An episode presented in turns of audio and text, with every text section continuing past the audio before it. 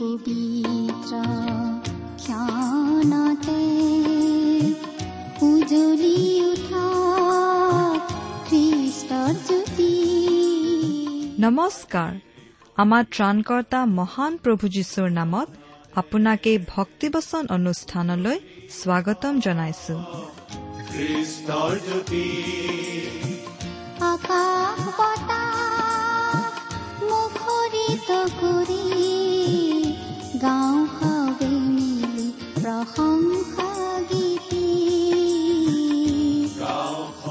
এয়া মুকলি কৰিছো ঈশ্বৰৰ জীৱিত বাক্যৰ ধাৰাবাহিক অনুষ্ঠান ভক্তি বচন। আপোনাৰ জীৱনত যদি শান্তি পাব বিচাৰে তেন্তে এয়া ঈশ্বৰৰ বাক্যৰ সান্তনা বাক্য ভক্তি বচন। গতিকে আহক আজিৰ শিক্ষা শুনো।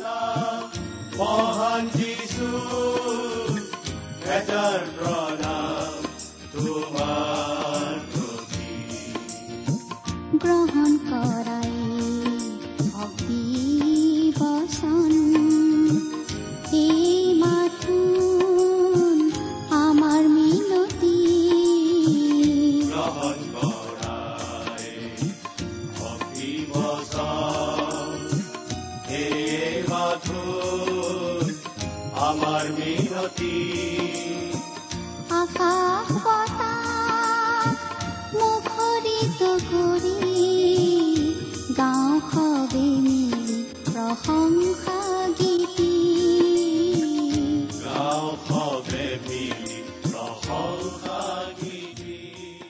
আমাৰ মহান ত্ৰাণকৰ্তা প্ৰভু যীশুখ্ৰীষ্টৰ নামত নমস্কাৰ প্ৰিয় শ্ৰোতা।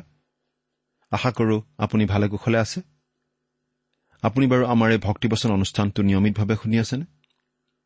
এই অনুষ্ঠান সম্বন্ধে আপোনাৰ মতামত আদি জনাই আমালৈ চিঠি পত্ৰ লিখি আছেনে বাৰু? অনুগ্ৰহ কৰি আজিয়ে দুষাৰিমান লিখি পঠিয়াবচোন। আমাৰ যোগাযোগৰ ঠিকনা ভক্তিবচন টি ডব্লিউ আৰ ইণ্ডিয়া ডাক বাকচ নম্বৰ সাত শূন্য গুৱাহাটী সাত আঠ এক শূন্য শূন্য এক। ভক্তিবচন T W R India post box number seventy Guwahati seven eight one zero' zero' one. আমাৰ website W W W dot radio' eight eight two dot com প্ৰিয় শ্ৰোতা যদিহে আপুনি আমাৰ এই ভক্তিবচন অনুষ্ঠানটো নিয়মিতভাৱে শুনি আছে তেতিয়াহ'লে আপুনি নিশ্চয় এই কথাটো জানে যে আমি এতিয়া বাইবেলৰ পুৰণি নিয়ম খণ্ডৰ হবকুক ভাৱবাদীৰ পুস্তক নামৰ পুস্তকখন অধ্যয়ন কৰিবলৈ আৰম্ভ কৰিছো। নহয় জানো? এই পুস্তকখন এখন ভাৱবাণীমূলক পুস্তক। ভৱিষ্যতে ঘটিবলগীয়া কিছুমান ঘটনাৰ কথা ইয়াত জনাই দিয়া হৈছিল। কিন্তু ইয়াৰ যোগেদি আজি আমাৰ শিকিবলগীয়া কথা অনেক আছে। যোৱা অনুষ্ঠানত আমি এই হবকুক পুস্তকখনৰ এক নম্বৰ অধ্যায়ৰ দুই তিনি চাৰি আৰু পাঁচ। এই চাৰিটা পদৰ ভিত্তিতে আমাৰ আলোচনা আগবঢ়াইছিলো। নহয়নে বাৰু? আজিৰ অনুষ্ঠানত আমি হবকুক পুস্তকৰ এক নম্বৰ অধ্যায়ৰ ছয় নম্বৰ পদৰ পৰা আমাৰ আলোচনা আগবঢ়াই নিব খুজিছো। হবকুকৰ মনত কিছুমান প্ৰশ্নৰ উদয় হৈছিল আৰু তাৰ উত্তৰত ঈশ্বৰে হবকুকক কিছুমান কথা জনাই দিছিল। প্ৰিয় শ্ৰোতা আহক আজিৰ বাইবেল অধ্যয়ন আৰম্ভ কৰাৰ আগতে আমি খন্তেক প্ৰাৰ্থনাত মূৰ্ণত কৰোঁ হওক। আমি প্ৰাৰ্থনা কৰোঁ। আমাৰ স্বৰ্গত থকা মৰমীয়াল পিতৃ ঈশ্বৰ তোমাক ধন্যবাদ জনাওঁ কাৰণ তোমাৰ মহান বাক্য বাইবেল শাস্ত্ৰ অধ্যয়ন কৰিবলৈ তুমি আমাক আকৌ এটা সুযোগ দান কৰিছা। তোমাক শতকোটিবাৰ ধন্যবাদ জনাইছো কাৰণ তুমি তোমাৰ একেজাত পুত্ৰ যীশুখ্ৰীষ্টৰ জৰিয়তে আমালৈ অনন্ত জীৱনৰ বহুমূলীয়া আশীৰ্বাদ বিনামূল্যে আগবঢ়াইছা। এতিয়া আহা পিতা তোমাৰ বাক্য তুমিয়েই আমাক বুজাই দিয়া। আমাৰ মৰমৰ শ্ৰোতাসকলক উপচি পৰাকৈ তুমি আশীৰ্বাদ কৰা। তেওঁলোকৰ সকলো প্ৰয়োজনৰ কথা তুমিহে ভালদৰে জানা আৰু সেই সকলো তুমিয়েই পূৰণ কৰা। কিয়নো এই প্ৰাৰ্থনা আমাৰ মহান ত্ৰাণকৰ্তা মৃত্যুঞ্জয় প্ৰভু যীশুখ্ৰীষ্টৰ নামত আগবঢ়াইছো। আমেন।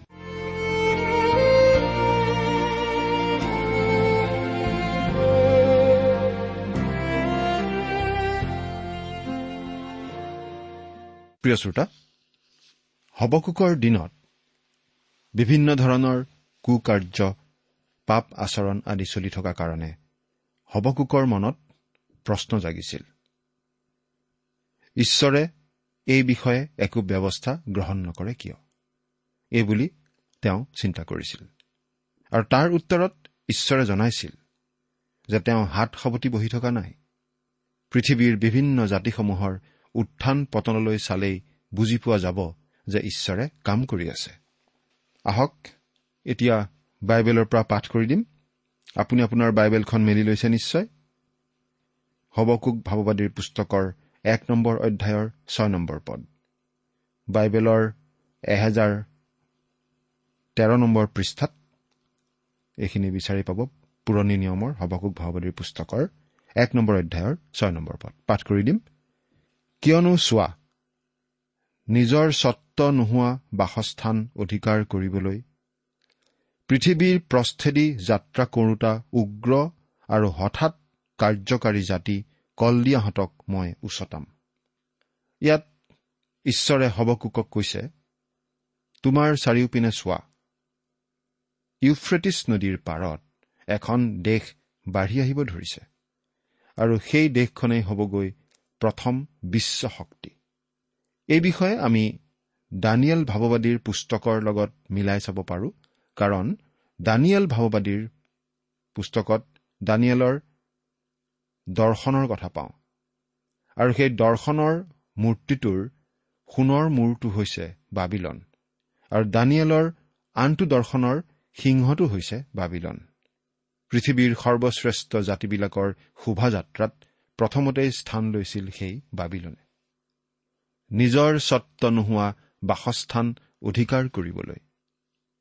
ঈশ্বৰে হবকুকক কৈছে সেই কলদিয়া অৰ্থাৎ বাবিলনীয়াবিলাকে যিহুদীসকলৰ হাতৰ পৰা তেওঁলোকৰ দেশ অৰ্থাৎ যিহুদা দেশ কাঢ়ি ল'ব। এই কথাটো শুনিবলৈ পাই হবকুকে মনত অতি আঘাত পাইছিল। উগ্ৰ আৰু হঠাৎ কাৰ্যকৰী। এই বিশেষণটো বাবিলনীয়াসকলৰ ক্ষেত্ৰত ভালদৰে খাপ খাই পৰে। তেওঁলোক আছিল অতি উগ্ৰ মনত ঘৃণা আৰু তিক্ততা। তেওঁলোকৰ মূৰ গৰম। আৰু তেওঁলোকে গোটেই পৃথিৱী অধিকাৰ কৰি ল'বলৈ আগবাঢ়িছিল। তেওঁলোকে আচলতে জিৰচালেম নগৰখন তিনিবাৰ দখল কৰিছিল। আৰু তৃতীয়বাৰ তেওঁলোকে পুৰি ছাই কৰি পেলাইছিল। বাবিলনীয়াসকলে যি মন যায় তাকেই কৰি ফুৰিছিল। তেওঁলোকে নিজকে শ্ৰেষ্ঠ জাতি সকলোকে দমন কৰা জাতি বুলি ভাবিছিল আৰু আন কোনো জাতিকেই তেওঁলোকৰ সমকক্ষ বুলি তেওঁলোকে নাভাবিছিল। এতিয়া সাত নম্বৰ পদটো পঢ়ি দিম। সিহঁত ত্ৰাসজনক আৰু ভয়ানক। সিহঁতৰ শাসন আৰু উন্নতি সিহঁতৰ নিজৰেই কাৰ্য। অৰ্থাৎ সেই বাবিলনীয়াবিলাকে নিজকে সম্পূৰ্ণৰূপে স্বাৱলম্বী বুলি বিবেচনা কৰে। সম্পূৰ্ণৰূপে নিজৰ ওপৰতেই ভৰসা কৰে। সিহঁতৰ আত্মবিশ্বাস অতি প্ৰবল আৰু সিহঁত অতি অহংকাৰী। এই স্বভাৱটো আমি নবুখনেশ্বৰ ৰজাত স্পষ্ট ৰূপত দেখিবলৈ পাওঁ।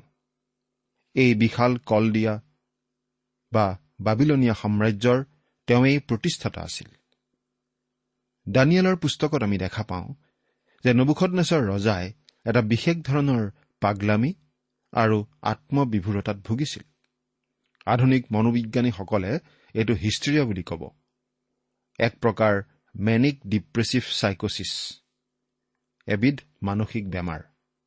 এটা সময়ত এনেকুৱা এটা অৱস্থা হৈছিল যে সেই নবুখনেশ্বৰ ৰজাই তেওঁনো কোন সেই কথাটোৱেই একেবাৰে পাহৰি গৈছিল। তেওঁ অৰণ্যলৈ গৈ জন্তুৰ নিচিনাকৈ ঘাঁহ খাইছিল। আঠ নম্বৰ পদ সিহঁতৰ ঘোঁৰাবোৰো নাহৰ ফুটুকি বাঘতকৈও বেগী আৰু গধূলি পৰৰ ৰাং কুকুৰতকৈও চোকা। সিহঁতৰ অশ্বাৰোহীবিলাক জাপ দি চলোতা এনেকি সিহঁতৰ অশ্বাৰোহীবিলাক দূৰৰ পৰা অহা গ্ৰাস কৰিবলৈ চোঁ মৰা কোৰৰ পক্ষীৰ নিচিনাকৈ সিহঁত উৰি আহে। সঁচাকৈ এখন ভয় লগা ছবি ইয়াত অংকন কৰা হৈছে। এই বাবিলনীয়াসকলে যিদৰে অশ্বাৰোহী সৈন্য ব্যৱহাৰ কৰিছিল আন কোনেও সিমান কৰা নাছিল বুলি ক'ব পাৰি। মিছৰীয়া লোকসকলে ৰথ ব্যৱহাৰ কৰিছিল আৰু ওচৰীয়াবিলাকৰ ৰথ আছিল অতি আধুনিক ধৰণৰ। আৰু এতিয়া এই বাবিলনীয়াসকলৰ ক্ষেত্ৰত এই পদ্ধতিটোৰ কথা কোৱা হৈছে যে তেওঁলোকৰ পদ্ধতি আছিল নতুন তেওঁলোকে ব্যৱহাৰ কৰিছিল অশ্বাৰোহী। গধূলি পৰৰ ৰাং কুকুৰতকৈও চোকা। এজন ব্যক্তিয়ে তেওঁৰ ল'ৰালি কালৰ অভিজ্ঞতা এটা এনেদৰে কৈছিল যেতিয়া সন্ধিয়া বৰফ পৰে তেতিয়া আমাক দেউতাই সাৱধান কৰি দিছিল বাহিৰলৈ ওলাবৰ সময়ত। বাহিৰত যদি ক'ৰবাত ৰাং কুকুৰৰ জাক থাকে তেতিয়াহ'লে সিহঁতৰ মাজৰ কোনোবা এটাক গুলী কৰি আমি মাৰি পেলাব লাগিছিল। যেতিয়া তেনেদৰে গুলী কৰি মাৰি দিয়া ৰাং কুকুৰটোৰ গাৰ পৰা তেজ ওলায়। তেতিয়া ৰাং কুকুৰৰ বাকী জাকটো সেই আহত ৰাং কুকুৰটোৰ গাত জঁপিয়াই পৰি তাক কামুৰি কামুৰি খাব ধৰে। আৰু তেনে কৰি থাকোঁতেই আমি পলাব পাৰিছিলো। অতি ভয় লগা ছবি এখন আমি ইয়াত বুজি পাওঁ। গ্ৰাস কৰিবলৈ চুঁ মৰা কোৰৰ পক্ষীৰ নিচিনাকৈ সিহঁত উৰি আহে। বাবিলনীয়া সৈন্যবাহিনী ভোকত থকা জন্তু আৰু ভয়ংকৰ চৰাইৰ নিচিনাকৈ আহি চিকাৰ ধৰে। কলডিয়া অৰ্থাৎ বাবিলনীয়াবিলাক এনেকুৱাই আছিল। এতিয়া ন নম্বৰ পদটো পঢ়ি দিম। সিহঁত আটাইয়ে অত্যাচাৰৰ নিমিত্তে আহে। সিহঁতে আগবাঢ়িবলৈ আগ্ৰহেৰে মুখ লৈ থাকে। আৰু সিহঁতে বালি গোটোৱা দি মানুহক গোটাই বন্দী কৰি নিয়ে। সিহঁত আটাইয়ে অত্যাচাৰৰ নিমিত্তে আহে। সেই সময়ত ঈশ্বৰৰ নিজৰ লোক অৰ্থাৎ যিহুদীবিলাক হিংসা অত্যাচাৰ আদিত লিপ্ত আছিল। কিন্তু তেওঁলোকে তেতিয়ালৈকে বেছি একো দেখাই নাছিল। বাবিলনীয়াসকল অহালৈ বাট চাওক। ঈশ্বৰে তেওঁলোকক অত্যাচাৰৰ খুব ভাল সোৱাদ এটা দিব। হয় প্ৰিয় শ্ৰোতা মানুহে যি বয় তাকেহে দাবলৈ পায়। গালাটীয়া ছয় নম্বৰ অধ্যায়ৰ সাত নম্বৰ পদত আমি এই কথা পঢ়িবলৈ পাওঁ। গালাটীয়া ছয় নম্বৰ অধ্যায় সাত নম্বৰ পদ আপোনালোকেও পঢ়ি চাব পাৰে। সিহঁতে আগবাঢ়িবলৈ আগ্ৰহেৰে মুখ লৈ থাকে। অৰ্থাৎ সেই শত্ৰু হ'ব অতি শক্তিশালী আৰু তেওঁবিলাকে অপ্ৰতিৰোধ হিচাপে আগবাঢ়ি আহিব। সিহঁতে বালি গোটোৱা দি মানুহক গোটাই বন্দী কৰি নিয়ে। বাবিলনৰ ৰজা নবুখত নেচাৰে তেওঁৰ সৈন্যবাহিনী লৈ তিনিবাৰ জিৰচালেম আক্ৰমণ কৰিছিল। শেষৰবাৰ আক্ৰমণত তেওঁ সেই নগৰখন আৰু লগতে জিৰচালেমৰ মন্দিৰটো পুৰি পেলাইছিল আৰু বাচি থকা লোকবিলাকক বন্দী কৰি লৈ গৈছিল। বাবিলনীয়াসকলৰ আগত মাত্ৰ এটাই লক্ষ্য আছিল যিমান পাৰে সিমানবোৰ জাতি বন্দী কৰি লৈ অহা যিমান পাৰে সিমানবোৰ মানুহ বন্দী কৰি লৈ অহা আৰু তেওঁবিলাকক দাস হিচাপে ব্যৱহাৰ কৰা। ইছৰাইলাবিলাকৰ দক্ষিণ ভাগ ৰাজ্য অৰ্থাৎ জিহুদাৰ ঠিক এইডোখাই হৈছিল। দহ নম্বৰ পদ এনেকি সেই জাতিয়ে ৰজাবিলাকক বিদ্ৰূপ কৰে আৰু অধিপতিবিলাক তাৰ আগত হাঁহিয়াতৰ বিষয় হয়। সেই জাতিয়ে প্ৰত্যেক দুৰ্গক তুচ্ছ কৰে কিয়নো সি মাটিৰ হাদাম বান্ধি তাক হাত কৰি লয়। সেই জাতিয়ে ৰজাবিলাকক বিদ্ৰূপ কৰে আৰু অধিপতিবিলাক তাৰ আগত হাঁহিয়াতৰ বিষয় হয়। সেই বাবিলনীয়াবিলাকে নিজৰ ওপৰত আৰু তেওঁলোকৰ নিজ উপাস্য দেৱতাৰ ওপৰত মাত্ৰ ভৰসা কৰিছিল। তেওঁলোকৰ আগৰ ওচৰীয়াবিলাকৰ নিচিনাকৈ তেওঁলোকো অতি অহংকাৰী ৰূপেৰে বিশ্ব জয় কৰাৰ অভিযান চলাই গৈছিল। সেই জাতিয়ে প্ৰত্যেক দুৰ্গক তুচ্ছ কৰে কিয়নো সি মাটিৰ হাদাম বান্ধি তাক হাত কৰি লয়। তেওঁবিলাকে যিকোনো দুৰ্গ ভাঙি নগৰবোৰ দখল কৰি লয় আৰু বাসিন্দাবোৰক বন্দী কৰি লৈ যায়। এতিয়া পাঠ কৰি দিম এঘাৰ নম্বৰ পদ। শেষতে সি বতাহৰ নিচিনাকৈ শাৰী লৈ গুচি যাব আৰু নিজৰ সেই শক্তিয়েই তাৰ দেৱতাস্বৰূপ হোৱাত সি দোষী হ'ব। নবুখত নিজৰ ৰজাই আচলতে ঠিক তাকেই কৰিছিল। দানিয়েল চাৰি নম্বৰ অধ্যায়ৰ ত্ৰিশ নম্বৰ পদত আমি বাবিলনৰ ৰজা এই নবুখত নেচৰৰ উক্তি এনেদৰে পঢ়িবলৈ পাওঁ।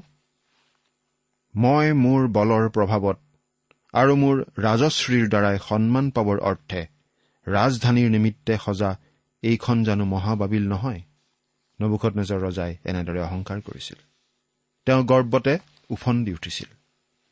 তেওঁ আত্মগৌৰৱত পাগল যেন হৈ পৰিছিল। তেওঁ নিজৰ ওপৰতেই সম্পূৰ্ণ ভৰসা কৰিছিল আৰু ঈশ্বৰত কোনো ভৰসা তেওঁ কৰা নাছিল। আজিও আমি তেনেকুৱা মানুহ অনেক লগ পাওঁ। ঈশ্বৰত ভৰসা কৰাৰ পৰিৱৰ্তে নিজত ভৰসা কৰা লোক। আমাৰ সমাজত আচলতে নম্ৰতাৰ যথেষ্ট অভাৱ। আৰু এইটো আচলতে নবুখত নেচৰৰ নিচিনা এবিধ মানসিক ৰোগ। সকলোবোৰ দলেই কোনো বাদ নাই। সকলো ধৰণৰ দলেই নিজে কি কৰিব পাৰিব আৰু কৰিলে তাক লৈহে গৌৰৱ কৰে। তেওঁলোকে আন আন দল আৰু ক্ষমতাত থকাসকলক সদায় দোষাৰোপ মাত্ৰ কৰে। দোষ নিশ্চয় আছে আৰু অনুতাপ কৰাৰ নিশ্চয় প্ৰয়োজন আছে। কিন্তু আনলৈ আঙুলি টোওৱাসকলেও আচলতে অনুতাপ কৰাৰ প্ৰয়োজন আছে। আজি আমাৰ সমাজৰ ডাঙৰ সমস্যা এইটোৱেই যে আজি আমি নিজৰ ওপৰতহে বেছিকৈ ভৰসা কৰিবলৈ লৈছো। আমি নিজৰ ক্ষমতা আমাৰ নিজৰ সামৰ্থ্য আদিতহে ভৰসা কৰিবলৈ লৈছো। বহু সময়ত আমাৰ টেলিভিছন বন্ধ কৰি দিবলৈ মন যায়। কাৰণ কিছুমান মানুহে নিজৰ সাফল্যৰ বিষয়ে বঢ়াই বঢ়াই কোৱা কথা শুনি শুনি আমাৰ আমনি লাগি যায়। সেইবোৰ শুনিলে আমাৰ মনলৈ আহে। এটা পৰ্বতে প্ৰসৱ বেদনাত কেঁকাই থকাৰ উদাহৰণ এটাৰ কথা। সেই পৰ্বতটোৱে কি জন্ম দিলে? আন এটা পৰ্বত নেকি? নাই। এটা নিগনিৰহে জন্ম দিলে। যদিও আজি বহুতো মানুহৰ উফাই নাং মাৰি কোৱা কথাবোৰ দেখাত এখন পৰ্বতৰ নিচিনা লাগে কিন্তু তেওঁলোকে আচলতে যিখিনি কৰিবলৈ সমৰ্থ হৈছে সেইটো নিগনি এটাৰ সমানহে ডাঙৰ হ'ব। এই পদবোৰৰ মাজেদি ঈশ্বৰে হবকোকক কৈছে মোৰ প্ৰজাসমূহৰ মাজত চলি থকা পাপ সম্বন্ধে মই একো কৰা নাই বুলি তুমি ভাবিছা নেকি? কিন্তু মই এইপিনে ইউফ্ৰেটিছ নদীৰ পাৰত এটা জাতি গঢ়ি তুলিব ধৰিছো। আৰু যদিহে মোৰ প্ৰজাবিলাকে মন পালটন নকৰে মই তেওঁলোকৰ ওপৰত এই বাবিলনীয়াবিলাকক জাপি দিম। প্ৰিয় শ্ৰোতা সেই বাবিলনীয়াবিলাক সঁচাকৈ আহিছিল। আৰু ইতিহাসত আমি পাওঁ যে তেওঁলোকে জিৰচালেম অতি নিষ্ঠুৰ আৰু ভয়ানকভাৱে ধ্বংস কৰিছিল। যীহুদাৰ লোকবিলাকক তেওঁলোকে বন্দী কৰি নিওঁতে এনে কিছুমান কাম কৰিছিল যিবোৰ আচলতে বৰ্ণনা কৰিব নোৱাৰি। এতিয়া আমি পাওঁ হবকুকৰ দ্বিতীয়টো সমস্যাৰ কথা। ঈশ্বৰে যেতিয়া হবকুকক জনাই দিলে যে তেওঁ তেওঁৰ প্ৰজাবিলাকক শাস্তি দিবলৈ বাবিলনীয়াবিলাকক ব্যৱহাৰ কৰিব তেতিয়া হবকুকৰ মনত আন এটা প্ৰশ্ন জাগিল। আগতকৈ আচলতে এতিয়া বেছি ডাঙৰ প্ৰশ্ন এটা তেওঁৰ মনলৈ আহিল। বাৰ নম্বৰ পদটো পঢ়ি দিওঁচোন। হে মোৰ ঈশ্বৰ যি হোৱা মোৰ পবিত্ৰজনা তুমি অনাদি কালৰে পৰা নোহোৱানে? আমি মৰা নপৰিম। হে যি হোৱা শাসন কৰিবৰ অৰ্থেই তুমি সেই জাতিক নিৰূপণ কৰিলা। আৰু সেই শিলা শাস্তি দিবৰ অৰ্থেই তুমি তাক স্থাপন কৰিলা। হবকুক ভাৱবাদীৰ সমস্যাটো আছিল এনেধৰণৰ। যিহেতু সেই বাবিলনীয়াবিলাক অধিক বেয়া জাতি আছিল গতিকে ঈশ্বৰে তুলনামূলকভাৱে কম বেয়া জাতি এটাক শাস্তি দিবলৈ অধিক বেয়া জাতি এটাক কিয় ব্যৱহাৰ কৰিব? তেওঁলোকতকৈ যিহেতু বাবিলনীয়াবিলাক বেছি বেয়া আছিল গতিকে তেওঁলোকক শাস্তি দিবলৈ সেই বাবিলনীয়াবিলাকক ঈশ্বৰে কিয় ব্যৱহাৰ কৰিব? এইটো তেওঁ বুজি পোৱা নাছিল। এনেকুৱা পদ্ধতি ঈশ্বৰে আগতেও ব্যৱহাৰ কৰিছে।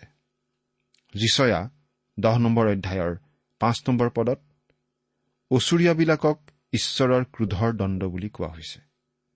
অৰ্থাৎ উত্তৰ ইছৰাইল ৰাজ্যক শাস্তি দিবলৈ ঈশ্বৰে ওচৰীয়াবিলাকক চাবুকৰ নিচিনাকৈ ব্যৱহাৰ কৰিছিল। কিন্তু তাৰ পাছত ঈশ্বৰে ওচৰীয়াবোৰক তেওঁলোকৰ পাপৰ বাবে শাস্তি বিহিছিল। ইয়াতো আমি একেদৰে মন্দ জাতি বাবিলনক ঈশ্বৰে নিজৰ প্ৰজাক শাস্তি দিবলৈ ব্যৱহাৰ কৰিব খোজা দেখা পাইছো। আৰু তাৰ পাছত তেওঁ সেই বাবিলনকেই শাস্তি বিহিব। ঈশ্বৰে ঠিক তাকেই কৰিছিল। তেওঁই আচলতে মানৱ জাতিৰ কাৰ্যকলাপ নিয়ন্ত্ৰণ কৰি আছে। কিন্তু এজন পবিত্ৰ ঈশ্বৰে নিজৰ কামৰ বাবে কিয় পাপী জাতি এটাক ব্যৱহাৰ কৰিব? এইটো এটা ডাঙৰ প্ৰশ্ন নহয়নে? কিন্তু আমি দেখা পাওঁ যে ঈশ্বৰে কম পাপী জাতি এটাক সুধ বিচাৰ কৰি দণ্ড বিহিবলৈ অধিক পাপী জাতি এটাক ব্যৱহাৰ কৰা আমি ইতিহাসত পাই আহিছো। হবকুকে কেনেদৰে আপত্তি কৰিছে শুনক। হে মোৰ ঈশ্বৰ জিহুৱা মোৰ পবিত্ৰ জনা তুমি অনাদিকালৰে পৰা নোহোৱানে? হবকুকে কৈছে তুমি পবিত্ৰ জনা তুমি বাবিলৰ নিচিনা জাতি এটাক ব্যৱহাৰ জানো কৰিবা? আমাক শাস্তি দিবলৈ? ইফ্ৰেটিছ নদীৰ পাৰত সেই প্ৰচণ্ড জাতিটোৰ উত্থান হোৱা আমি শুনিছো। কিন্তু সেই জাতিটো তুমি আমাৰ বিৰুদ্ধে ব্যৱহাৰ কৰিবা বুলি কেতিয়াও ভবা নাই। সিহঁত আমাৰ প্ৰতি মিত্ৰভাৱাপন্ন হৈ আহিছে। হিচকিয়া ৰজাৰ বেমাৰৰ সময়ত বাবিলনীয়াসকলে দূত পঠিয়াইছিল। আৰু সেই দূত আহি যেতিয়া উপস্থিত হৈছিল তেতিয়া সেই দূতক অতি আদৰ সাদৰ কৰি ৰাজ্যৰ সকলো সা সম্পত্তি দেখুওৱা হৈছিল। সেই দূতে নিশ্চয় ভালদৰে চাইছিল কাৰণ সেই সোণ ধন কাঢ়িবলৈ এদিন আহিব লাগিব। হবকুকে সেই কথা বুজা নাছিল। পবিত্ৰ ঈশ্বৰেনো পাপী বাবিলনক ব্যৱহাৰ কৰিব পাৰেনে? এই বুলিহে তেওঁ ভাবিছিল। তাৰ পাছত তেওঁ কৈছে আমি মৰা নপৰিম। অৱশ্যে সেইটো ঠিকেই কৈছিল। ইয়াতে আমি ঈশ্বৰে অব্ৰাহাম ইছাক জাকুব মুচি যীহুচোৱা আৰু ডায়ুদৰ আগত কৰা প্ৰতিজ্ঞাৰ কথা মনত পেলাব পাৰো। তেওঁ আগৰ ভাৱবাদীবোৰৰ আগতো প্ৰতিজ্ঞা কৰিছিল। ইছৰাইল জাতিটো কেতিয়াও তেওঁ নিঃশেষ হৈ যাবলৈ নিদিয়ে দিয়া নাছিল। আমি মৰা নপৰিম। ঈশ্বৰে ইছৰাইল জাতিৰ ক্ষেত্ৰত তেওঁৰ কাম শেষ কৰা নাই। তেওঁলোকৰ ক্ষেত্ৰত ঈশ্বৰৰ অনন্তকলীয়া আঁচনি এটা আছে। যেনেকৈ এই জগতৰ পৰা আহান কৰি আনি থকা খ্ৰীষ্টীয় বিশ্বাসীসকলৰ ক্ষেত্ৰতো ঈশ্বৰৰ এটা অনন্তকলীয়া আঁচনি আছে। আমি ঈশ্বৰক ধন্যবাদ দিয়া উচিত কাৰণ আজি ঈশ্বৰৰ সন্তানসকলে ক'ব পাৰে আমি মৰা নপৰিম। প্ৰভু যীশু এই জগতলৈ আহিছিল মৰিবৰ কাৰণে। তেওঁ আপোনাৰ মোৰ সলনি মৰি দিলে যাতে আমি জীৱন পাওঁ। তেওঁ কৈছিল ময়েই জীৱন আৰু পুনৰুত্থানো। আৰু সেই মৃত্যুৰ পৰা তেওঁ জি উঠিছিল। ৰুমিয়া চাৰি নম্বৰ অধ্যায়ৰ পঁচিছ নম্বৰ পদত এনেদৰে লিখা আছে সেই যীশু আমাৰ অপৰাধৰ কাৰণে সমৰ্পিত হ'ল আৰু আমাৰ ধাৰ্মিকতাৰ অৰ্থে তেওঁক তোলা হ'ল। লাজাৰৰ উচুপি থকা ভনী দুগৰাকীক তেওঁ কৈছিল মই এই জীৱন আৰু পুনৰুত্থানো। মুঠ বিশ্বাস কৰাজন মৰিলেও জীৱ। যেতিয়া হবকুকে কৈছিল আমি মৰা নপৰিম বুলি তেওঁ আচলতে ঠিকেই কৈছিল। তেওঁলোক নিঃশেষ হৈ নাযায়। জোখন এঘাৰ নম্বৰ অধ্যায়ৰ পঁচিছ আৰু ছাব্বিছ নম্বৰ পদ পঢ়ি দিওঁ।